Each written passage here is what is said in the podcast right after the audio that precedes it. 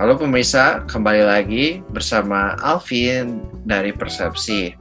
Untuk episode kali ini, uh, gue ditemenin sama KJ, halo. Nah, teman nama KJ. Dan untuk topik episode kali ini, kita mau ngobrolin yang namanya minimalism nih. Nah, pertama nih, gue mau nanya nih, J. Menurut lo, pas Hmm, per- pertama denger nih, gimana? Minimalism. Ya, kalau dari kata awalnya minimal kan artinya ya sesedikit mungkin ya artinya ya. Hmm, Terus kayak pertama kali gue lihat minimalism itu yang ekstrim gitu, Vin. Jadi yang orang Jepang kayak cuma hidupnya cuma cuma punya baju tiga biji gitu. Parah ya. tiga biji. Gak bisa sih gue. Gak bisa sih. Iya mas. Terus kayak ekstrim parah jadi dia kayak itu mandi itu pakai baju.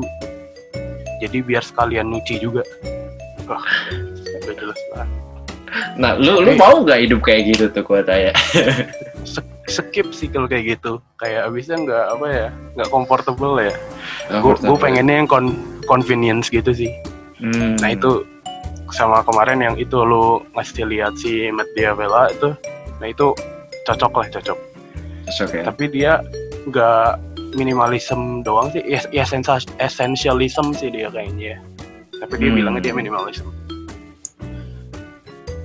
Terus kalau definisinya tuh sebenarnya essentialism itu kayak mempunyai barang-barang yang lu perlu kan esensial kan. Hmm. di situ kayak sabi banget sih. Jadi kayak misalnya dia tuh kalau wardrobe-nya kayak punya 24 gitu ya 24 piece. Ya jadi dia dua minggu sekali laundry jadi dia ngitung lah pokoknya bajunya sama semua gitu. Biar dia seru sih jadinya. Hmm. kayak jadi lebih simpel hidup tuh. Gue gue seneng sih kayak gitu. Hmm. Mungkin bener sih ya kayak kalau contoh pertama yang lo kasih tuh kayak nggak nyaman hidup tuh. Kalau terus kalau hidup nggak nyaman tuh jadi susah banget dijalanin kan ya. Jadi Iya, cuma mungkin ya itu bedanya kemarin tuh eh, mungkin kalau KJ mulai dari yang ekstrim gue beruntungnya nemu contohnya langsung yang mild. Jadi ada youtuber namanya eh, Matt Diavela jadi dia tuh emang gimana ya mungkin pada akhirnya cuma label kali ya apa essentialism atau minimalism gitu. Cuma mungkin yang pengen gue sedikit bahas tuh karena gue juga pribadi tertarik sekali sama nilai-nilai ini tuh jadinya eh, tentang intinya prinsipalnya apa sih ya gitu kan. Nah oh iya, iya. tadi kan yang lu ceritain Je itu dari wardrobe kan cuma 24 baju gitu. Terus ya Matt Davila kaosnya sama semua yang kayak kayak kayak di kartun gitu. Baju Iya, kagak pernah ganti gitu. Nah, menurut lu dari aspek hidup lain nih yang bisa lu tackle dengan dengan minimalism atau esensialism ini apa? Coba mungkin kalau buat lu pribadi contohnya. Semua sih kayak eh, bukan dari Matt Diavela ya dari Marie Kondo. Tahu kan Marie Kondo? Hmm. Dia kayak ibu dari decluttering. Karena kalau lu pernah masuk ke kamar gue parah banget sih clutternya. Banyak banget yang nggak guna. Kayak gudang lah ya. Nah jadi kalau gue ngerasa sekarang kalau rapi tuh enak banget ngeliatnya juga. Apalagi kalau udah lihat video-videonya Matia Vela aduh parah banget. Enaknya kayak, kayak kayak adem ya? Ad- iya kan kayak oh shit gitu. Kasar. Gimana ya? Bukan baju sih kayak apa ya misalnya ah komputer dia laptop cuma satu kan Mac ya? Oh Hmm. sama yang buat ngedit satu lagi. Karena perbedaannya gitu kayak jadi enak banget lihat di meja tuh nggak ada apa-apa terus dia kayak naro MacBooknya dibuka sambil diem terus kayak nge- gawe kayak produktif parah sih kalau kayak gitu enak ya environmentnya jadi nggak ada distraksi ya sebenarnya ya Iya. Itu sih kayak hal-hal yang bikin ribet tuh hal-hal yang banyak opsinya nggak sih? ah Gimana benar ya? sih benar sih Kalau misalnya gue harus milih A atau B atau C atau D kan jadi ribet ya. Hmm. Kalau lu cuma punya A doang, milih A doang tuh kayak oh ya simple parah. Dan gue sebenarnya udah ngelakuin sih ya kayak baju gue tuh selalu cuma satu sih sebenarnya satu Oh? jenis maaf Hmm, hmm, kecuali ke kecuali di rumah ya di rumah ada banyak baju bekas gitu cuma kalau misal keluar gue selalu kayak basic t-shirt hitam gitu doang hmm. karena ya nggak tahu ya kayak netral sih dari awal tuh mikirnya gitu. Kayak netral parah kayak gue nggak usah mikirin juga kan yang penting baju hitam oke keluar. Menarik menarik menarik. Cuma mungkin ya yang yang gue tertarik sama Mazda Avella tuh mulainya tuh karena buat dia tuh kayak essentialism dia tuh sebenarnya bukan kayak oh lu baju harus 24 tuh bukan bukan kayak gitu yang yang bikin gua hook. Soalnya prinsipal dasar dia tuh kayak kalau lu bajunya cukup 24 lo lu bukan tipe orang yang picky soal baju gitu.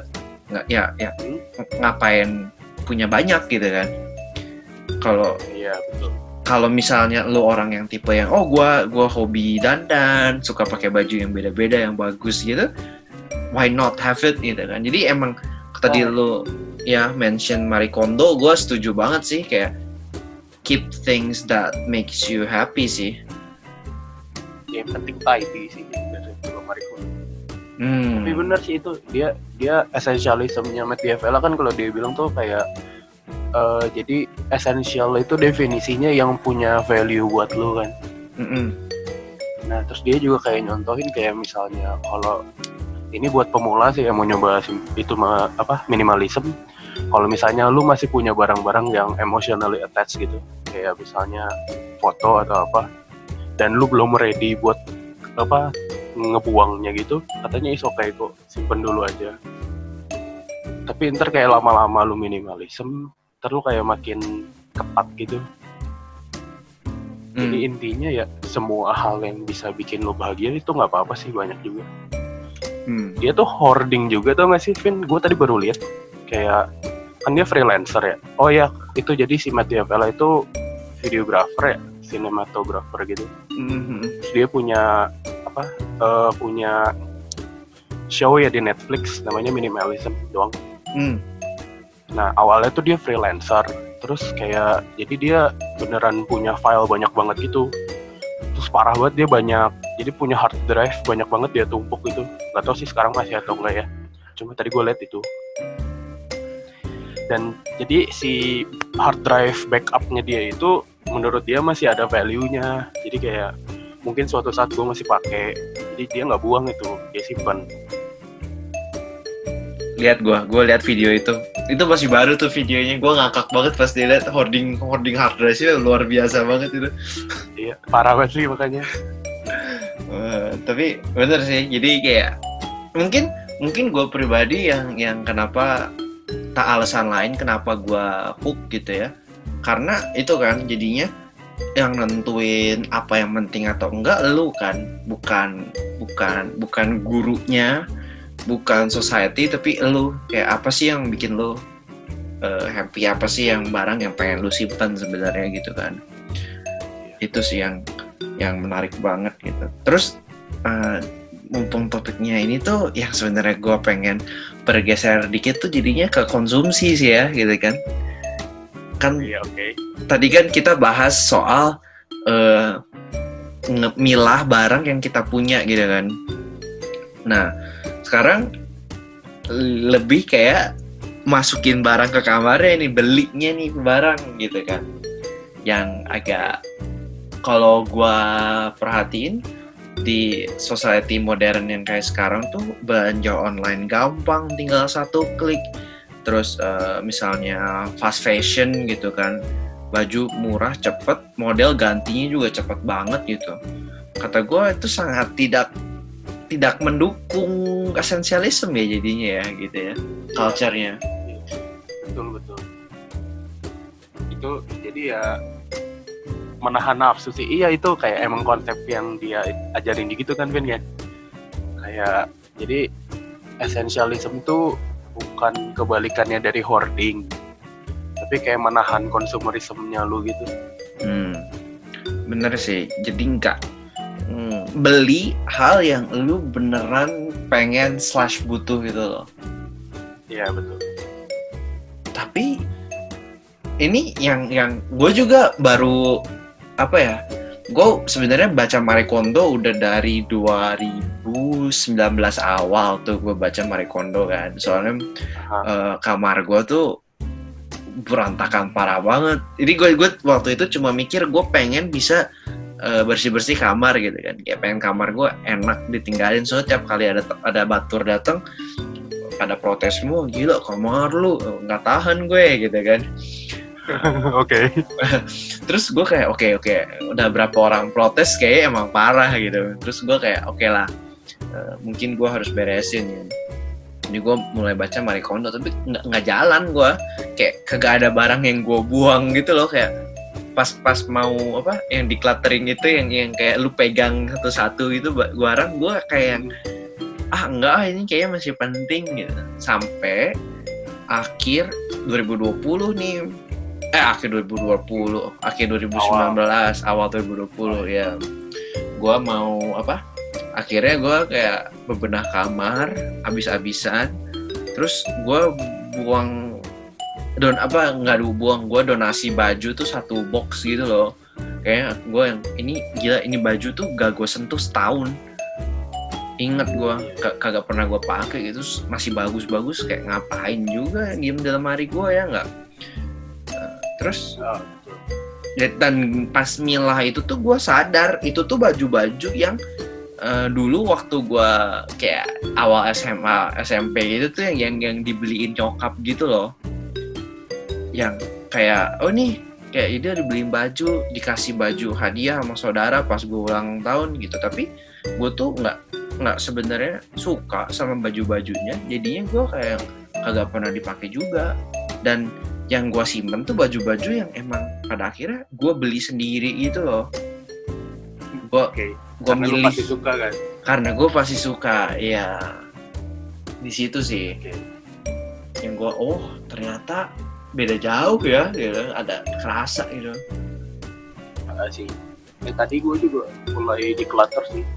Kayak nggak tahu sih sejak gue lihat gue nonton The Avela tuh dia kayak atau gue jadi ngerasa banyak banget barang-barang gue sebenarnya mau pakai terus kayak ngapain gue pegang gitu. Hmm. Lebih ke males sih sebenarnya. Terus kalau misalnya udah gue pegang tuh kayak eh sayang sih tapi ya takut butuh ntar. Tapi kan gue nggak tahu butuhnya kapan gitu. Nah itu sih Kalau misalnya gue gue gak butuh selamanya tapi gue mikirnya kayak gue butuh itu hoarding kan jadinya. betul Ya, jadi gue tadi udah mulai pindahin dulu sih, baru pindahin beberapa barang yang nggak perlu. Oh, gue tadi buka drawer gue, gue nemuin penggaris ada sekitar 12 biji aja. penggaris butterfly yang kaca itu ya Iya, butter, semua butterfly, mapet, terus apalagi yang yang besi, aduh banyak parah. Jadi kayak beneran gara-gara males sih. Cuma kayak gara-gara gue udah lihat idealisnya si Matthew Avelo ya, yang beneran clean, terus butuhnya cuma segitu, cuma segitu. Hmm. kayak gue aspire banget sih itu Ya, wow speechless bisa kayak yang keren tuh bisa kan ternyata buktinya orang hidup normal dengan barang cuma segitu gitu kan ya Hmm. Itu terus kayak bebersih lebih jadi gampang kan. Benar itu sih. Bebersih jadi gampang sih. satu-satunya itu sih. Mm-mm. terus kalau misalnya piring lu cuma tiga biji terus semuanya dipakai lu harus langsung nyuci juga kan. Kayak gitu kayak langsung mendorong lu gitu. Itu woi. Itu ya gua harus mengakui dulu gua tuh itu kalau kalau cucian numpuk tuh ya udah yang kayak eh tidak mau tapi nggak usah nyuci juga karena masih banyak eh, piring yang bisa dipakai gitu kan wah Iya. parah sih emang. Tapi mungkin apa ya itu sih. Gua gua setuju tadi lu mention yang aduh nanti gue butuh. Ini ini mindset yang sedikit jadi apa ya slippery slope ya. Kayak ka- lu nggak bisa nentuin batas kalau gue pribadi gue nggak bisa nentuin batasnya sih soalnya. Jadi kayak ah, harus berapa jauh kalau diomongin tiba-tiba ya nih kalau misalnya besok apa ya contoh yang ekstrim lah ya. Misalnya tiba-tiba besok oh banjir gitu gue kagak bisa di rumah maka dari itu gue harus punya tenda misalnya gitu kan. Kayak lu mau narik batasnya Oke. mana gitu kan? Gitu itu ekstrim Iya, banget bener, ya bener. cuma ya apalagi orang-orang preparasi gitu ya. Kita lu lu J juga kan ya kalau di MBTI gue akhirnya bergeser ya DJ saudara-saudari. Oh, iya. jadi kalau orang-orang judgement itu dia lebih planning gitu. Jadi kayak lebih hati-hati atas atas masa depannya dia gitu. Dan bener kita planning tuh kayak kayak gitu loh. Jadi kayak aduh gue takut butuh ini ya udah gue simpen dulu. Kadang gitu loh. Gue tapi jadi gue Mhm. Waktu gua itu ya gua ngekos ya hidup yang langsung ngebersihin gitu tapi jalan loh. Ini masalahnya kan gua anak rumahan terus kayak udah terlalu convenience gitu. Kayak ada yang bersihin lah ada segala kalau di lu kan suka nggak ada ya. Benar lu benar. lu nyetrika sendiri nggak sih? Gue nyetika sendiri. Nah itu masalahnya gitu. Kayak gua tuh kayak nggak pernah hal kayak gitu. Terus kayak gimana nih kalau misalnya udah ntar kayak udah pindah gitu kan agak jadi susah ya ntar. Makanya habitnya mulai dibikin dari sekarang nih. Sebenarnya Hmm. itu bener sih dibikin dari sekarang sih. Kayak jujur ini ya ini buka aib banget. Cuma gue kan eh, udah nggak di rumah dari awal kuliah kan. Itu Hmm. jujur kayak dua tiga tahun pertama tuh oh tiga tahun pertama berarti baru sekarang ya gue ya. Udah ngaco banget dah Eh, parah. Padahal cuma bener kayak ngebiasain tinggal sendirinya tuh tiga tahun. Gue baru sekarang kayak oh kerasan gitu tinggal di space punya sendiri gitu. Itu, itu karena gue juga sama tadinya udah keenakan di rumah sendiri semuanya diurusin semuanya diberesin gitu kan. Eh, jadi pas pertama keluar rumah ya seminggu dua minggu pertama sih bersih bersih aja gitu. Terus udahnya ketika paling parah tuh ketika lu lagi sibuk kan kayak nggak intinya jadi kayak nggak ada waktu buat bebenah beresin gitu. Dan itu jadi nggak jadi priori prioritas padahal itu penting gitu. Mengerti Iya. itu salah satu sih kayak kalau lu ngerantau tuh jadi kerasa banget sih kayak harus segala-segala sendiri segala segala sendiri sih dan itu makin kerasanya itu kayak gunanya minimalisme itu apa? Benar. Kalau lu kalau lu minimalisme nggak butuh apa-apa bebersihnya juga dikit. Iya itu itu setuju banget sih. Itu waduh. Kok- kalau itu lu pernah itu nggak lihat yang digital minimalisme pernah. Itu gue pengen banget nyoba lagi apa ya lagi setengah jalan lah kurang lebih gue lah ya gue gue juga gak tahu sih kayak gue saking relate nya gitu karena gue emang suka yang bersih gitu kalau di apa ya di monitor laptop lah atau di HP tapi HP tuh kayak sa- saking sering dipakai gitu, jadi susah gitu buat gue Hmm. cuma kemarin lagi mulai lagi sih kayak organizing gitu. Cuma yang susahnya itu filenya loh kayak foto gituan ya foto video sih paling susah foto foto susah banget sih bener. Parah. Parah foto tuh masalahnya ada memori kan. Bukan memori literal ya kayak punya memori untuk kita. Kayak apa nostalgia gitu. Hmm. itu yang paling parah tuh nostalgia. Jadi anjir bentar lagi. Apa ini foto waktu itu gue kalau gue hapus gimana? Tapi gini masalahnya waktu gue udah nyobain ya kayak oh ya udahlah ntar gue pindahin hard drive. Gue nggak pernah buka lagi foto itu. Bener iya kan jadi kayak nostalgia lu itu kayak kadang backfire juga ya bukan backfire sih. Maksudnya kayak cuma fana gitu ngerti gak sih? Kayak ketakutan lu doang. Padahal sebenarnya nggak bakal lu pakai Hmm. ntar kalau butuh baru. Kalau buat gue kadang uh, ini yang gue lakuin kemarin pas tahun baru sih. Akhirnya gue uh, ngekul apa uh, ngekul foto gue yang udah di hard drive nih. Ini bahkan yang bukan di HP akhirnya gue yang kayak oke yang ini sih udah bisa di delete gitu. Jadi emang makin lama makin tipis tapi yang jadi masalah sih itu nyortirnya itu makan waktu banget coy. Bisa Parah, bener setuju kayak sehari abis loh itu nyortir foto doang gitu. Iya. Gue gue di HP juga pernah gitu mas sortirnya kan makin hina juga kan itu. Hmm, aduh parah banget sortir yang ya itu media media tuh yang paling susah gue sortir sih menurut gue ya media. Soalnya karena jadi beneran buat kita sama kayak beli barang pretilan gitu kan jadi convenience banget gampang banget ngambil foto gitu. Jadi lu nggak mikir lagi gitu oh nanti eh, ngurusnya gimana naruhnya gimana udah foto dulu aja gitu kan jadinya ya. Iya betul. Ini gue gue mau cerita nih kalau kalau gue uh, yang paling gue suka dari Avela tuh minimalism pas travel tau nggak uh. waduh parah yang pakai yang mana nih yang yang apa bagnya dia itu bagnya juga cuma gue pengen apa ya relating sama sama gue pribadi gue tuh karena mungkin karena J ya tadi yang lo, lo ceritakan sangat prepare tau gak? gue kalau travel yeah. kan gue suka foto nih jadi kalau travel kan pasti salah satu tujuan utamanya foto-foto dong gitu kan. Gue yang tidak mau kehilangan satu shot pun uh, traveling bawa body kamera sama tiga lensa sama tripod. Yeah. terus terus uh, pakai tas backpack kan. Terus waktu itu jalan-jalan sama temen ke Taiwan uh, namanya juga anak-anak kuliahan brok gitu ya. Jadinya ya banyak jalan banyak jalan gitu kan banyak jalan transportasi umum itu kuliahan bro. Kuliahan okay. bro. Ya terus punggung rusak coy. Itu tiga hari. Tapi yang yang paling parah tuh lensa yang gue pakai cuma satu. Okay. dua lagi kagak keluar tas gitu kan jadinya. Sama sekali. Sama sekali sama sekali. Oh. jadi gue kayak ngapain gue bawa gitu kan? Cuma gara-gara takut doang gitu tapi Mat DFL kalau bawa rig tuh kayak banyak banget itu gak sih? Hmm, ya cuma mungkin beda ya. Kalau gua kerja sih nggak apa-apa gitu. Kayak kerja kan kayak mitigasi masalah kan penting ya.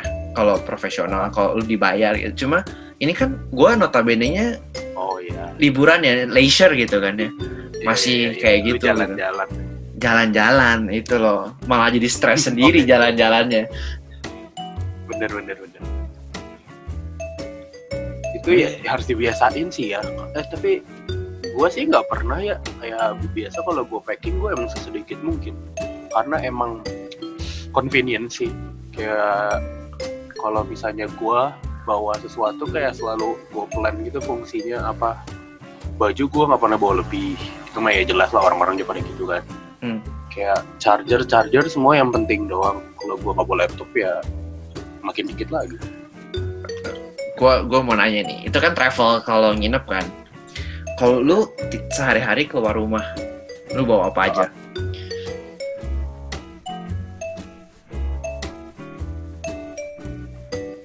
Sorry nggak kedengeran. Oh lu kalau sehari-hari keluar rumah nih ya lu bawa apa aja?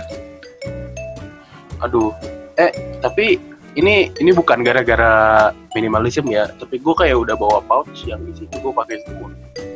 Kayak HP oh enggak yang dari awal aja yang masuk ke dalam celana tuh dompet kunci HP terus kalau misalnya gue meeting gue bawa binder satu biji bolpen satu biji. Terus sisanya hand sanitizer masker. Oh sorry lagi zaman. Hand sanitizer masker sama gloves itu simple. sama ya kebutuhan itu gua aja kebutuhan biasa lah you know. Wink wink. Uh, ini konteksnya sangat lebar aku tidak paham dan mari kita tidak lanjutan biar nggak gua nggak usah ngetek uh, podcastnya jadi R ya. Oh ya oke okay, bener setuju setuju. Biar membuka audiens lebih banyak. Iya, ya, uh, udah udah langsung aja. Ah, eh, gue nggak tahu sejak kapan, cuma gue kayak apa bawa barang tuh sedikit mungkin gitu.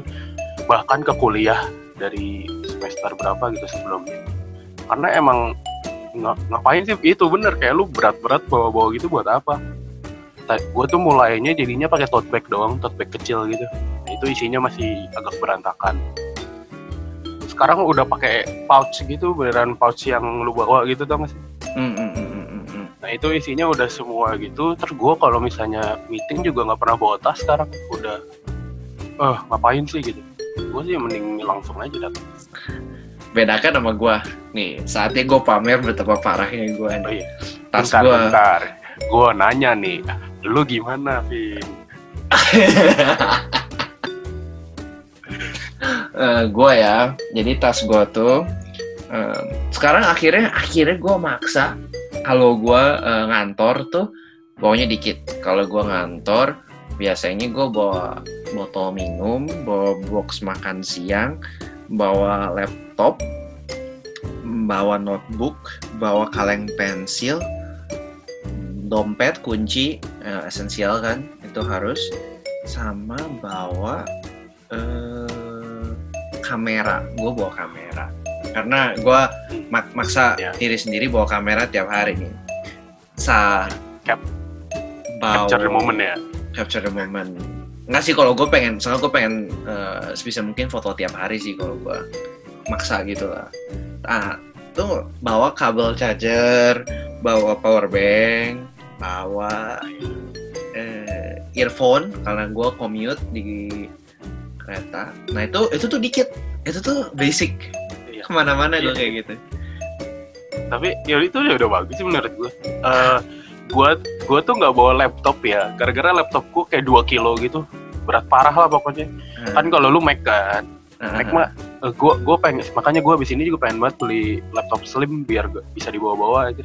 Kalau sekarang aduh parah banget gue nggak bisa bawa laptop juga berat parah. Coba coba lanjut aja coba lu ngomong apa tadi? tapi entah kenapa gua- oh gue tuh bawa notebook tuh dua tau nggak pengen marah nggak sih lo Kenapa itu? Jadi gue tuh bawa satu agenda, bawa tuh satu kayak notebook coret-coret. Ah tapi notebook coret-coret mah yang kecil kan?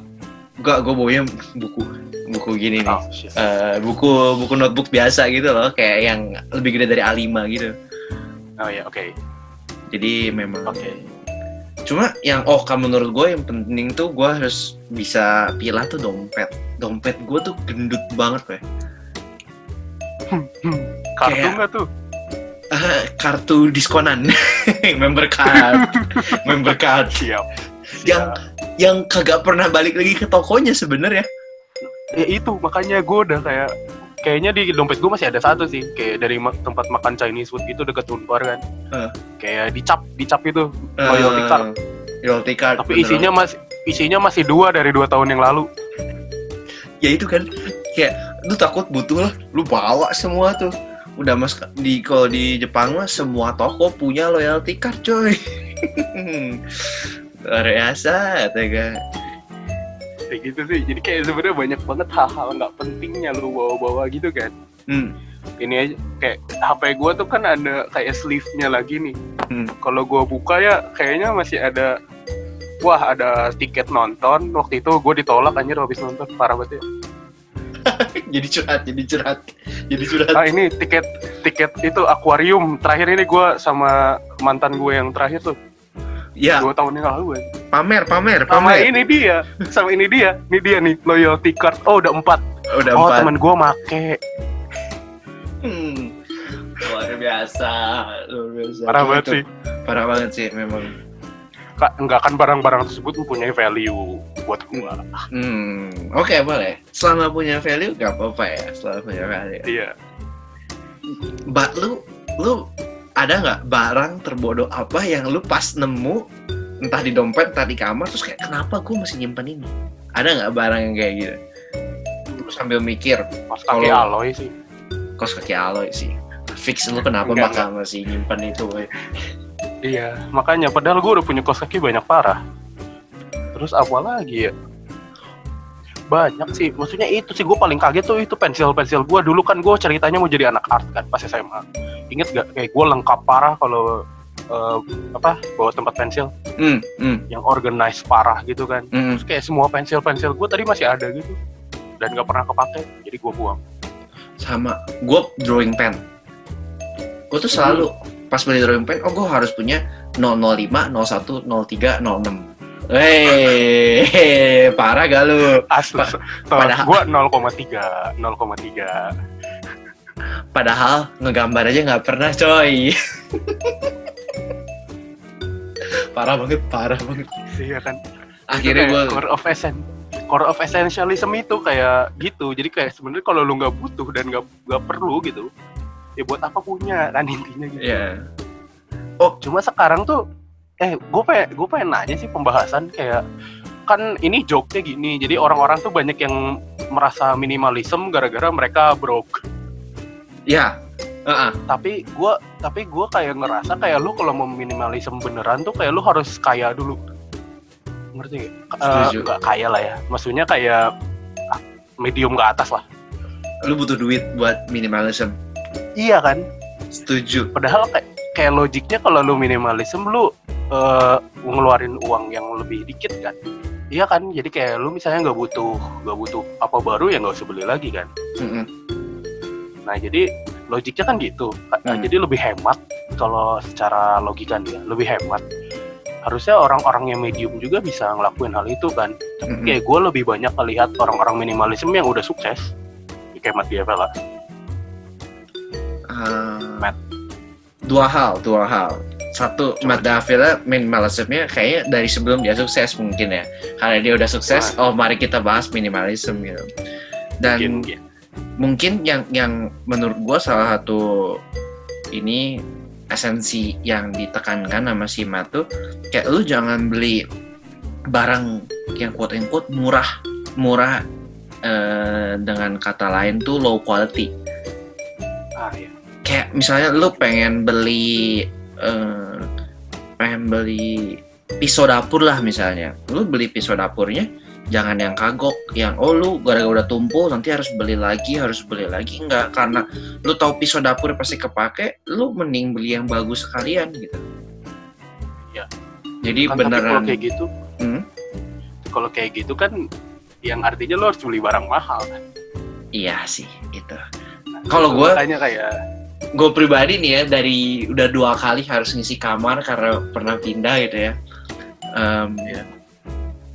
Salah satu apa ya triknya kalau gue jangan beli yang paling murah aha pasti rusak. Jadi carinya tuh yang medium. Cari yang oh medium, oke cari yang oke. medium. Jadi itu kayak masuk akal jadi jangan kalau yang paling mahal kan biasanya mereka mahal banget karena brand udah brandingnya kuat banget ya gitu kan.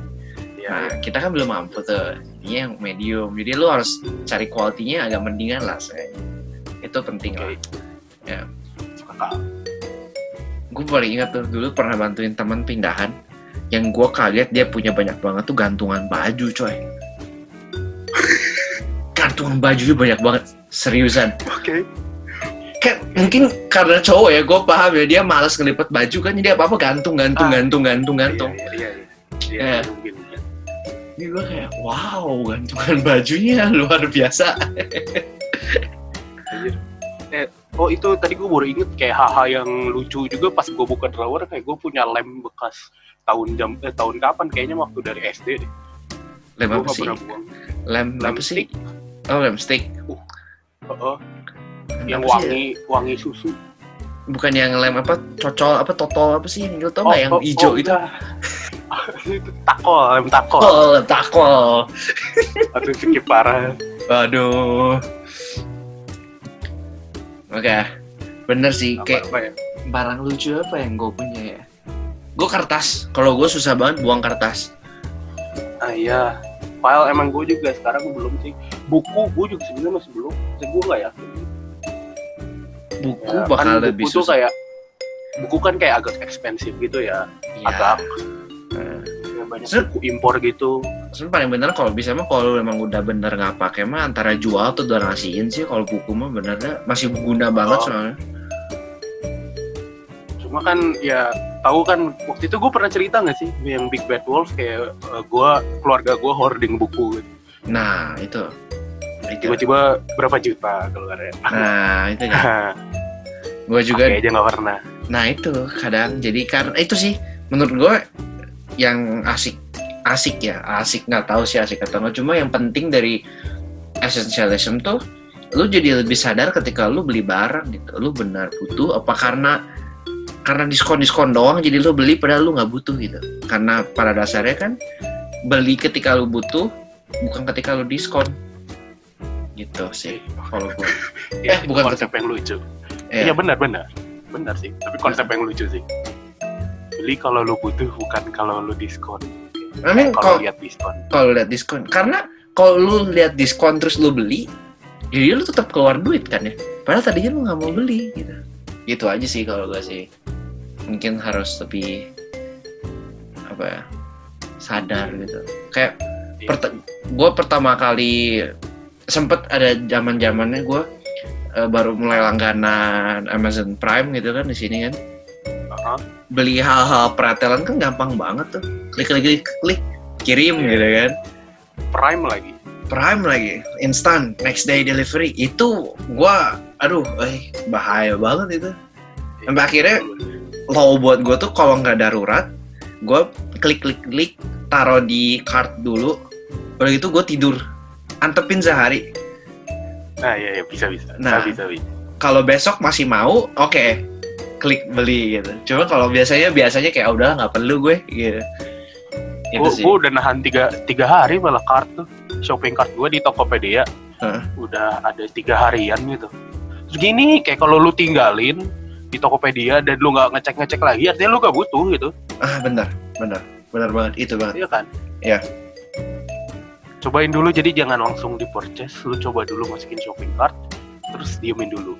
Hmm. Kalau misalnya ternyata lu nggak ngecek, lu nggak urgent gitu kayak, oh, oh gue tadi lupa, gue belum check out kayak gitu. Kayak lu masih diem aja, nggak ngerasa apa-apa, ya artinya lu nggak butuh kayak gitu. Bukan bahkan nggak butuh, artinya lu nggak pengen. Lebih parahnya lagi itu ya. Sebenarnya impuls beneran impuls doang Impulse gitu. buying ya. impulse buying banget jadi oke lah itu jadi menarik ya Em, gimana cek Eh, konklusi minggu ini Jadi ya menurut gue minimalism slash essentialism itu sangat-sangat menarik karena hidup lu gak usah mikirin hal-hal yang gak penting konsep. Jadi itu sih emang jadi di luar minimalism juga gue emang pengen nggak terlalu memikirkan hal-hal nggak penting sih. Jadi ya lakukan saja apa yang kalian mau. Jadi selama masih punya value simpen aja barangnya nggak apa-apa.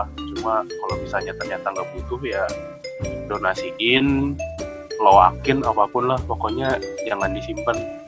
Karena ya bikin lu terlihat tidak tidy aja sih jadi kurang Hmm. produktif. Hmm, lu gimana nih Vin? kalau gua mungkin kata kunci yang pengen gua sodorkan tuh conscious living ya. Jadi beli sesuatu menyimpan sesuatu semua ada alasannya gitu.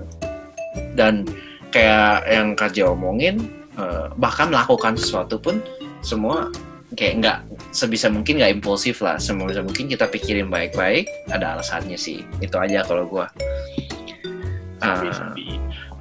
Ini kalau ada yang denger yang pengen nanya nih kalian udah pernah merasakan minimalism tanpa mengerti minimalism itu apa nggak? Jadi kayak kalian udah mulai merasain kayak, aduh kok ribet banget sih hidup gua, gue pengen yang lebih simple. Tuh, aduh ini ternyata nggak guna juga ya, gue buang aja lah ya. Nah itu kalau misalnya ada, boleh nih chat ke kita, ntar kita ntar kita bahas ya di Instagram baru kita.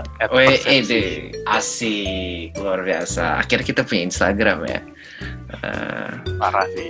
Bari sebenarnya muka gue kagak Instagramable coy. Ini konten aja yang ditaruh ya. Muka gua juga kagak. Di kita pasang mukanya saya aja. Orangnya nggak di Ah. sini. Salah salah nggak boleh. Oke deh. Eh, Maaf terima Kak. Maaf saya kak. Eh, terima kasih sudah mendengarkan obrolan kita malam ini. Dan seperti yang kak Jo omongin, kalau ada sharing-sharing yang mau dilakukan, topik-topik yang ingin diangkat, eh, DM kita aja di Instagram kita sekarang udah ada @persepsi. Em, sampai bertemu di episode selanjutnya. Selamat malam dan sampai jumpa.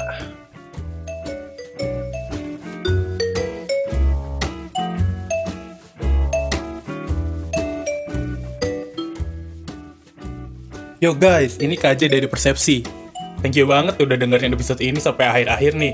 Kalau kalian tertarik dengan topik-topik tertentu, kita bisa bawain kok. Boleh banget DM ke IG kita. Stay tune terus ya buat episode selanjutnya. Bye!